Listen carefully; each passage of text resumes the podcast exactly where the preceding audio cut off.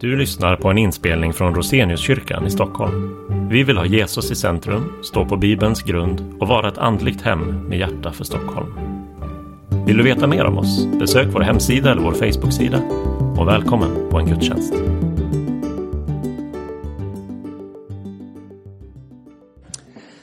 Dagens predikotext är hämtad från Kolosserbrevet 1, verserna 13 till 23 i Jesu namn.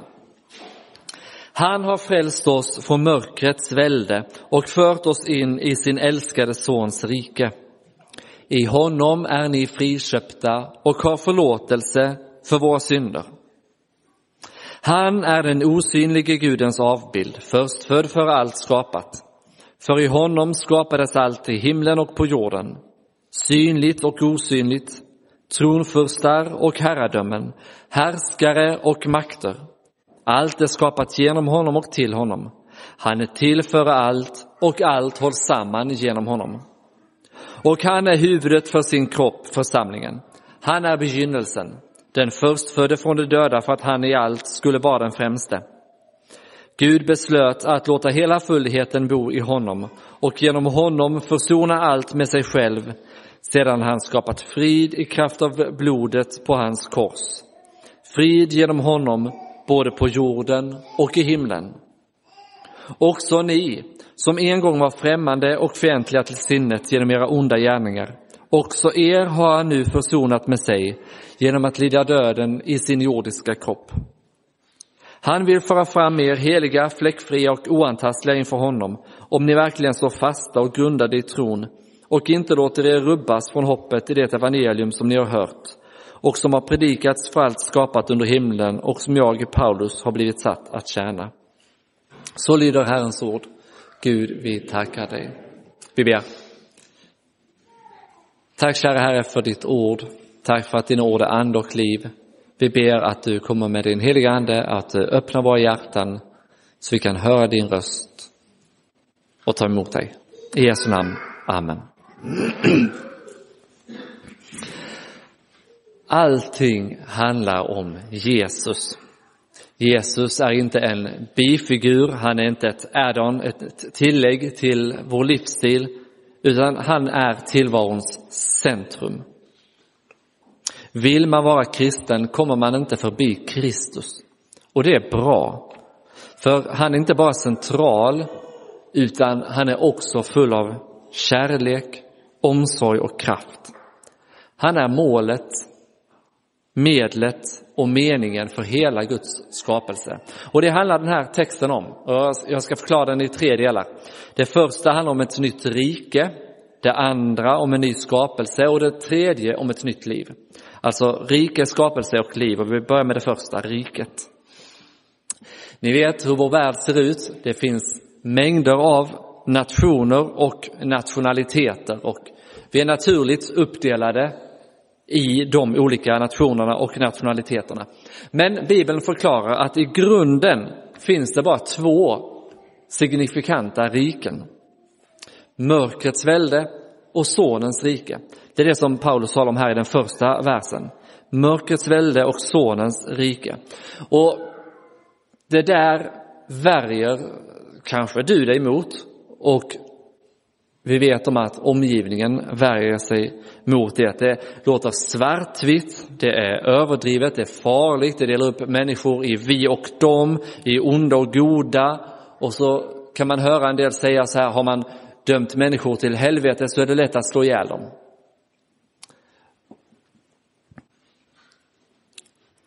Och så kan man uppleva att Bibeln tar det där ett steg längre.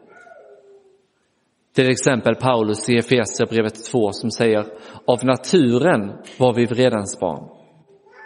Och Jesus säger till exempel i samtalet med Nikodemus, man måste födas på nytt om man ska komma in i Guds rike. Eller människorna älskade mörkret mer än ljuset. Men den här enkla invändningen, det där är farligt, det är felaktigt, det är svartvitt, det är överdrivet, den håller inte. Av några olika skäl. För det första, det är ju inte du och jag som har kommit på den här uppdelningen, det är inte vi som gör en indelning utan Vi läser om det i Bibeln. Det är det första. Det andra är, det är ju inte din och min sak att döma människor åt det ena eller andra hållet, utan det är Guds sak. Vad vi kan göra det är att vi kan berätta om vad som är vägen in i Guds rike och hur Bibeln förklarar det. Det tredje, människor är inte våra fiender.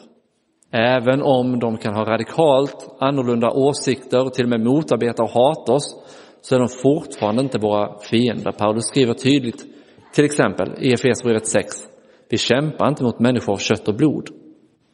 Nej, det är den onde som är vår fiende. Och Jesus säger, mitt rike är inte av denna världen. Hade den varit av den här världen hade mina lärjungar kämpat för mig. Så. Så den där enkla invändningen håller inte. Det är ju faktiskt så att Bibeln säger att alla har syndat och gått miste om härligheten från Gud. Rikena finns sida vid sida i den här världen. Alla har syndat och gått miste om härligheten från Gud. Det är inte så att det finns några människor som av naturen är bättre. Utan alla börjar på samma bana.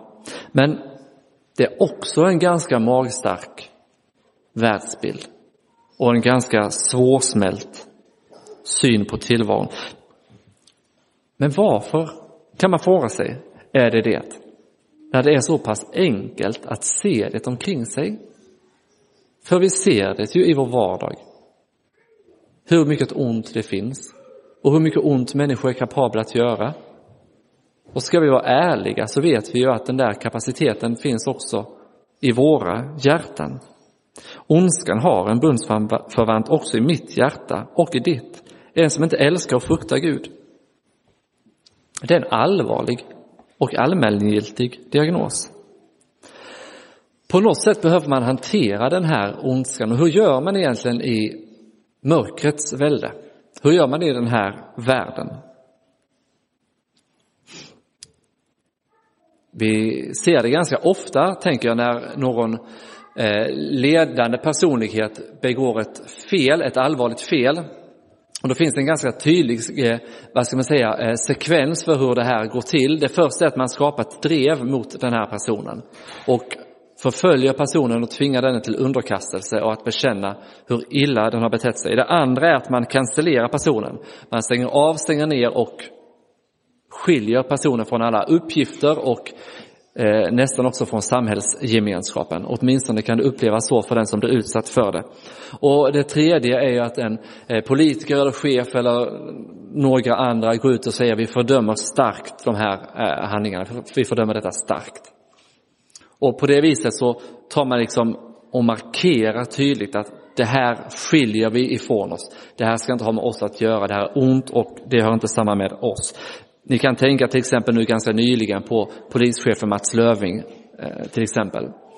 Eller under metoo-rörelsen hur man hanterade Benny Fredriksson eller eh, en del andra. Ganska extrema exempel, men likväl, vi kan se något av den här mekanismen. Och det är egentligen syndabocken som eh, kommer tillbaka. Och den där mekanismen är oerhört stark för det är väldigt bekvämt och tillfredsställande att kunna placera skulden på någon och förskjuta den människan och på det viset tänka, nu har vi löst problemet. Problemet är ju bara att problemet inte är löst. Man har, vad ska man säga, man har gömt undan en person i vars liv det här onda tog sig uttryck. Men man har ju inte löst problemet. Och därför ekar också den här oerhört hårda hanteringen klingar en aning falskt. För ska jag vara ärlig så hade ju jag också kunnat, om omständigheterna varit felaktiga, vara den personen. Men vi kan upprätthålla ett sken av moraliskhet och godhet och av att inte tolerera det onda. Men vi skapar också ett samhälle utan nåd, förlåtelse och upprättelse. Så står det i texten, han har frälst oss från mörkrets välde det talar ju om påskens glädje och seger. Gud har gripit in. Gud har gjort det du och jag inte kan göra. Han har liksom flyttat oss. Han har fört oss från mörkrets välde in i sin sons rike. Handgripligen flyttat oss från det ena riket in i det andra. Lägg märke till att Gud är subjektet. Det är han som är aktiv. Det är Gud som har gripit in. Vi är passiva. Gud handlar med oss.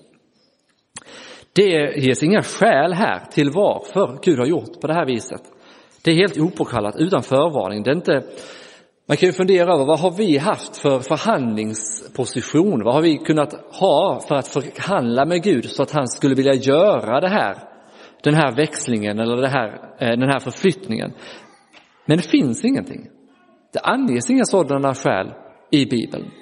Att människor skulle ha kunnat förhandla med Gud om att bli fritagna från det här väldet in i sonens rike. Utan från idé till verklighet kommer allting från Gud.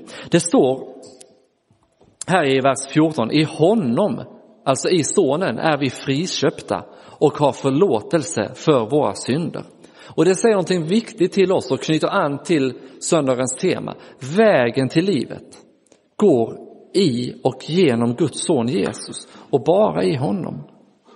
Det är det som Bibeln lägger fram för oss. Transportmedlet från det ena riket till det andra är Guds son. Gud genomför ett nytt uttåg. Ett ännu bättre uttåg än det han gjorde när han tog Israel från slaveriet i Egypten in i det utlovade landet. Han genomför ett ännu bättre uttåg från mörkrets rike in i sin älskade sons rike. Och det är en helt annan strategi mot ondskan än drev, cancel och fördömelse. Guds befrielse. Det finns förhandlingsmedel. Det finns någon som har förhandlat om lösen. Men det är inte du och jag, utan det är Gud själv. Gud har förhandlat och han har gett sin son i utbyte för dig. Därför är vi både fritagna och har förlåtelse för våra synder i Jesus. Det är den första delen om det nya riket. Den andra delen handlar om den nya skapelsen. Vem är då den här sonen egentligen? Hur kan han ha sådan kraft? Hur kan han ha möjlighet att genomföra denna aktionen? Paulus skriver här i vers 15, han är den osynlige Gudens avbild. Det är ett oerhört påstående. Han är den osynlige Gudens avbild. Tänk, i Jesu ansikte ser vi ett återsken av skaparguden. Gud är i alla religioner upphöjd, god, oåtkomlig för syndare.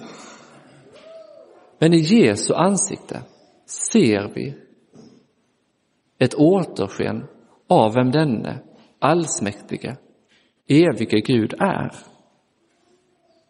Tänk att han har valt, inte bara att reflekteras i Jesu ansikte, utan det står ett par verser senare, han har valt att låta hela sin gudomliga fullhet bo i Jesus. Alltså, Gud har blivit kropp i Jesus.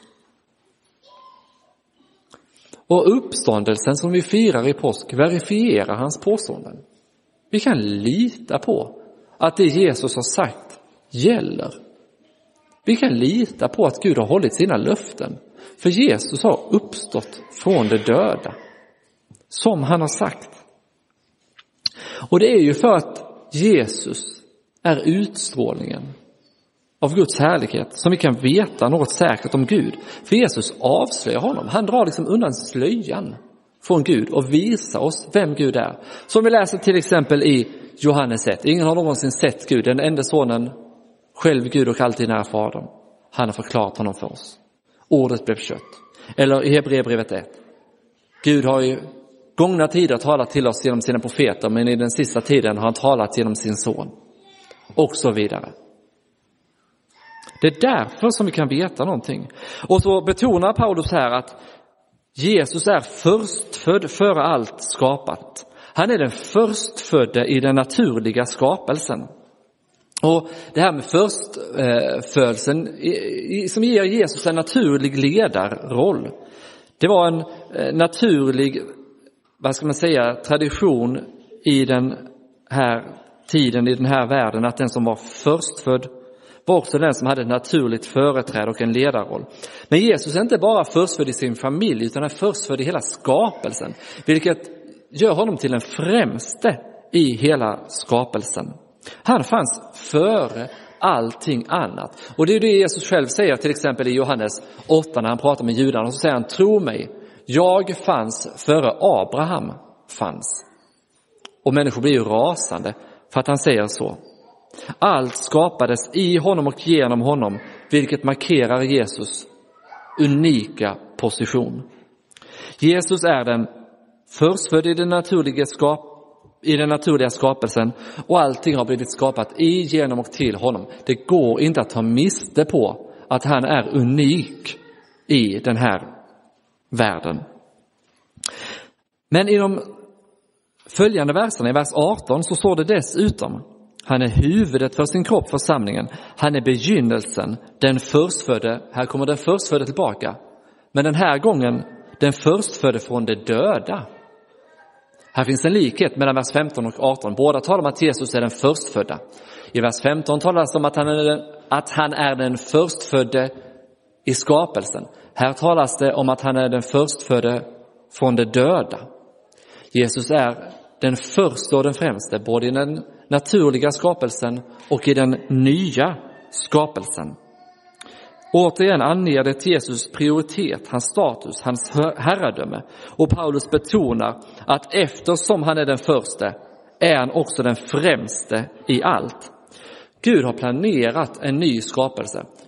Vi kommer inte åt det onda genom att avskilja det onda ifrån oss.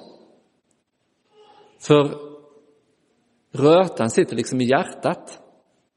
Men Gud har förberett någonting nytt och det har han talat om genom hela skriften på olika ställen.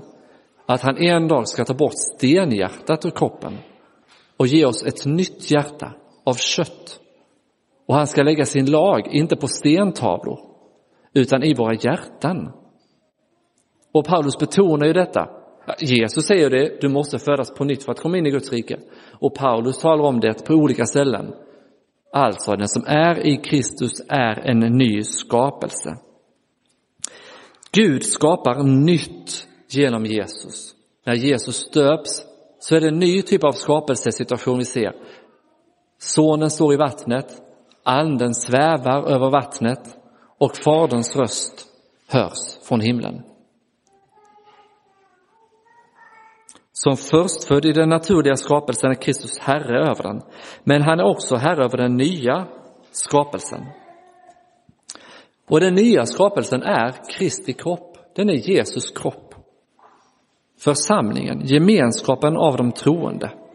Och han är församlingens huvud, det vill säga han är dess ledare, han är den främste. Hela Guds fullhet bor i honom. Och det är den djupaste förklaringen till Sonens rike, vad det är och hur det skiljer sig från den här världens rike. Guds fullhet bor i Jesus och genom honom försonade Gud allt med sig. Det första riket har sina strategier för att ta hand om det onda. Men vi vet också om att det är ett hårt rike som inte löser problemet på djupet. Sonens rike är ett rike som är grundat på Guds självuppoffrande kärlek. Genom Jesu blod har Gud skapat frid. Det står så underbart här. Genom honom beslutade Gud att försona allt med sig själv och sedan han skapat frid i kraft av blodet på hans kors. Frid genom honom både på jorden och i himlen. Syndabock tankar är inte så meningsfulla i vår värld. Men det finns en syndabock som faktiskt är meningsfull. Och det är Guds syndabock, Jesus. För om vi tänker efter hur det fungerar när vi drevar mot någon, cancellerar någon, fördömer och förskjuter någon, så är det ju faktiskt det som händer i Jesus. Tänk på Jesaja 53. Hur Jesaja talar om Herrens tjänare som är slagen, hånad, hatad, avskydd, förskjuten från den mänskligas gemenskap. För alla ser honom som förskjuten av Gud. Och så säger Jesaja, men vem tänker på att det var för mitt folks brott som han var straffad? Det är för dina brott, det är för mina brott, det är för hela världens brott som Jesus har varit slagen, föraktad, hånad, förskjuten. Och han är det enda offer som behövs för att försona den här världens synder. För hans offer är tillräckligt. Det är fullkomligt, det räcker. Gud har blivit människa för att låta sin kropp krossas på korset till försoning för alla våra synder. Hur kan man inte älska honom?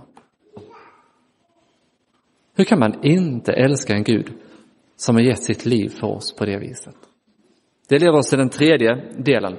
Han har gett oss ett nytt liv. Det första var ett nytt rike, sedan en ny skapelse och så nu till slut nytt liv. Vi tillhörde mörkrets välde och hade internaliserat deras värderingar. Det vill säga, vi hade gjort den här världens värderingar till våra värderingar. Det skriver Paulus här i vers 21. Också ni som en gång var främmande och fientliga till sinnet genom era onda gärningar. I ord, tankar och handlingar har vi tagit till oss det här världen, den här världens sätt att agera. Och den här världens värderingar är på total kollisionskurs med Guds rikes värderingar. Och så är det fortfarande. Om man inte har tagit emot Jesus, om man inte har fötts på nytt som Jesus säger genom dopet och tron, så är man fortfarande på kollisionskurs med Guds rike. Och därför ska du inte förvåna dig över att det blir konflikter med din omgivning när du bekänner din tro på Jesus. Hur försiktig och försynt du än försöker vara så har du en annan Herre. Du bekänner dig till ett annat rike, du har andra värderingar. Och när Jesus kom i världen säger han, människorna älskade mörkret mer än ljuset. Och därför är det inte så konstigt att det blir konflikt också för dig och mig. Men även om vi hade internaliserat de här värderingarna så är också vi försonade och Gud försonade oss medan vi ännu var Guds fiender. Och vi är nu i Kristus. Det är det han säger här, att vi är i honom. Och därför står vi heliga, fläckfria, rena inför Gud. Det var hans vilja, att föra fram er heliga, fläckfria och oantastliga inför Gud. Tänk, du får se på dig själv så, utan fel, utan något att anklaga dig för. För Jesus skull. För det är vad Gud har gjort med dig genom Jesus. Och tron ger denna helighet till oss. Tron litar på Guds löften. Paulus säger, om ni verkligen står fasta och grundade i tron och inte låter er rubbas från hoppet. Här kan man fundera över hur det fungerar när vi uppfostrar våra barn. Man vill ju gärna ge dem värderingar och en trygghet som hjälper dem navigera genom livet, som hjälper dem stå emot kompisar, skolans, medias värderingar och världsbild. Som hjälper dem navigera när de måste fatta egna beslut om vad som är rätt och fel att göra. Som fortsätter hålla dem nära mamma och pappa och inte drar dem bort. Hur gör man egentligen? Det finns säkert många av er som har brottats med det under lång tid och har mycket att lära, men jag tänker mig att åtminstone två saker är viktiga och de hänger väl nära samman och det är ju anknytning och kärlek. Det kommer inte följa dem genom livet i alla fall inte bara att de har fått någonting inpräntat i huvudet, utan de behöver också ha fått någonting etsat in i hjärtat. Och det får de genom att ta emot kärlek, genom att se att mamma och pappa är att lita på, att mamma och pappa vet och vill mitt bästa, att jag ständigt är välkommen, att jag alltid kan komma även när jag har fel och så vidare. Och på liknande sätt är det ju med Guds värderingar, med Guds rike. Det står här, Paulus vill att vi inte ska låta oss rubbas från hoppet i evangeliet som vi har hört. I evangeliet som vi har hört. Det är så tron växer. Det är så anknytningen växer. För evangelium förklarar ju Guds kärlek till oss. Att Gud har dött för oss medan vi ännu var hans fiender. Det hoppet, den tryggheten växer inte genom att vi mekaniskt lär oss saker, utan genom att vi hör att Jesus har dött för våra synder och att han älskar oss mer än vårt eget liv. Och detta måste förkunnas. Detta måste förklaras. Detta måste höras. Och det är därför som ELM kallar och sänder predikanter. Och det är därför som predikan är viktig. Paulus talar om det här. Hoppet i evangeliet som ni har hört och som har predikats för allt skapat under himlen och som jag, Paulus, har blivit satt att tjäna. Tron kommer av predikan av att vi får höra evangeliet om Jesus. Gud skapade ur intet genom sitt ord vid tidens början. Han skapade på nytt genom sitt ord Jesus, genom korset och uppståndelsen. Och han skapar nytt genom sitt ord varje gång evangelium förkunnas. Gud skapar nytt liv i ditt och mitt hjärta. Kristus är inte bara ett bihang till ett personligt livsprojekt, utan han är hela tillvarons centrum och mål. Han har varit jagad, förskjuten och fördömd i vårt ställe för att vi aldrig skulle behöva bli förskjutna från Guds närhet. Men så har han också en gång för alla tagit bort synden. Han har skapat förlåtelse, en evig amnesti för syndare och genom hans blod har vi frid med Gud. Låt oss tacka och be. Tack käre gode Gud för din seger. Tack för din försoning. Tack för att du har frälst oss. Och Herre, vi ber, vi ber dig om hjälp att tro det, lita på det och var dag växa i det. Prägla din kärlek i våra hjärtan. Heliga Ande. Så att vi inte rubbas från hoppet som vi har i dig. I Jesu namn. Amen.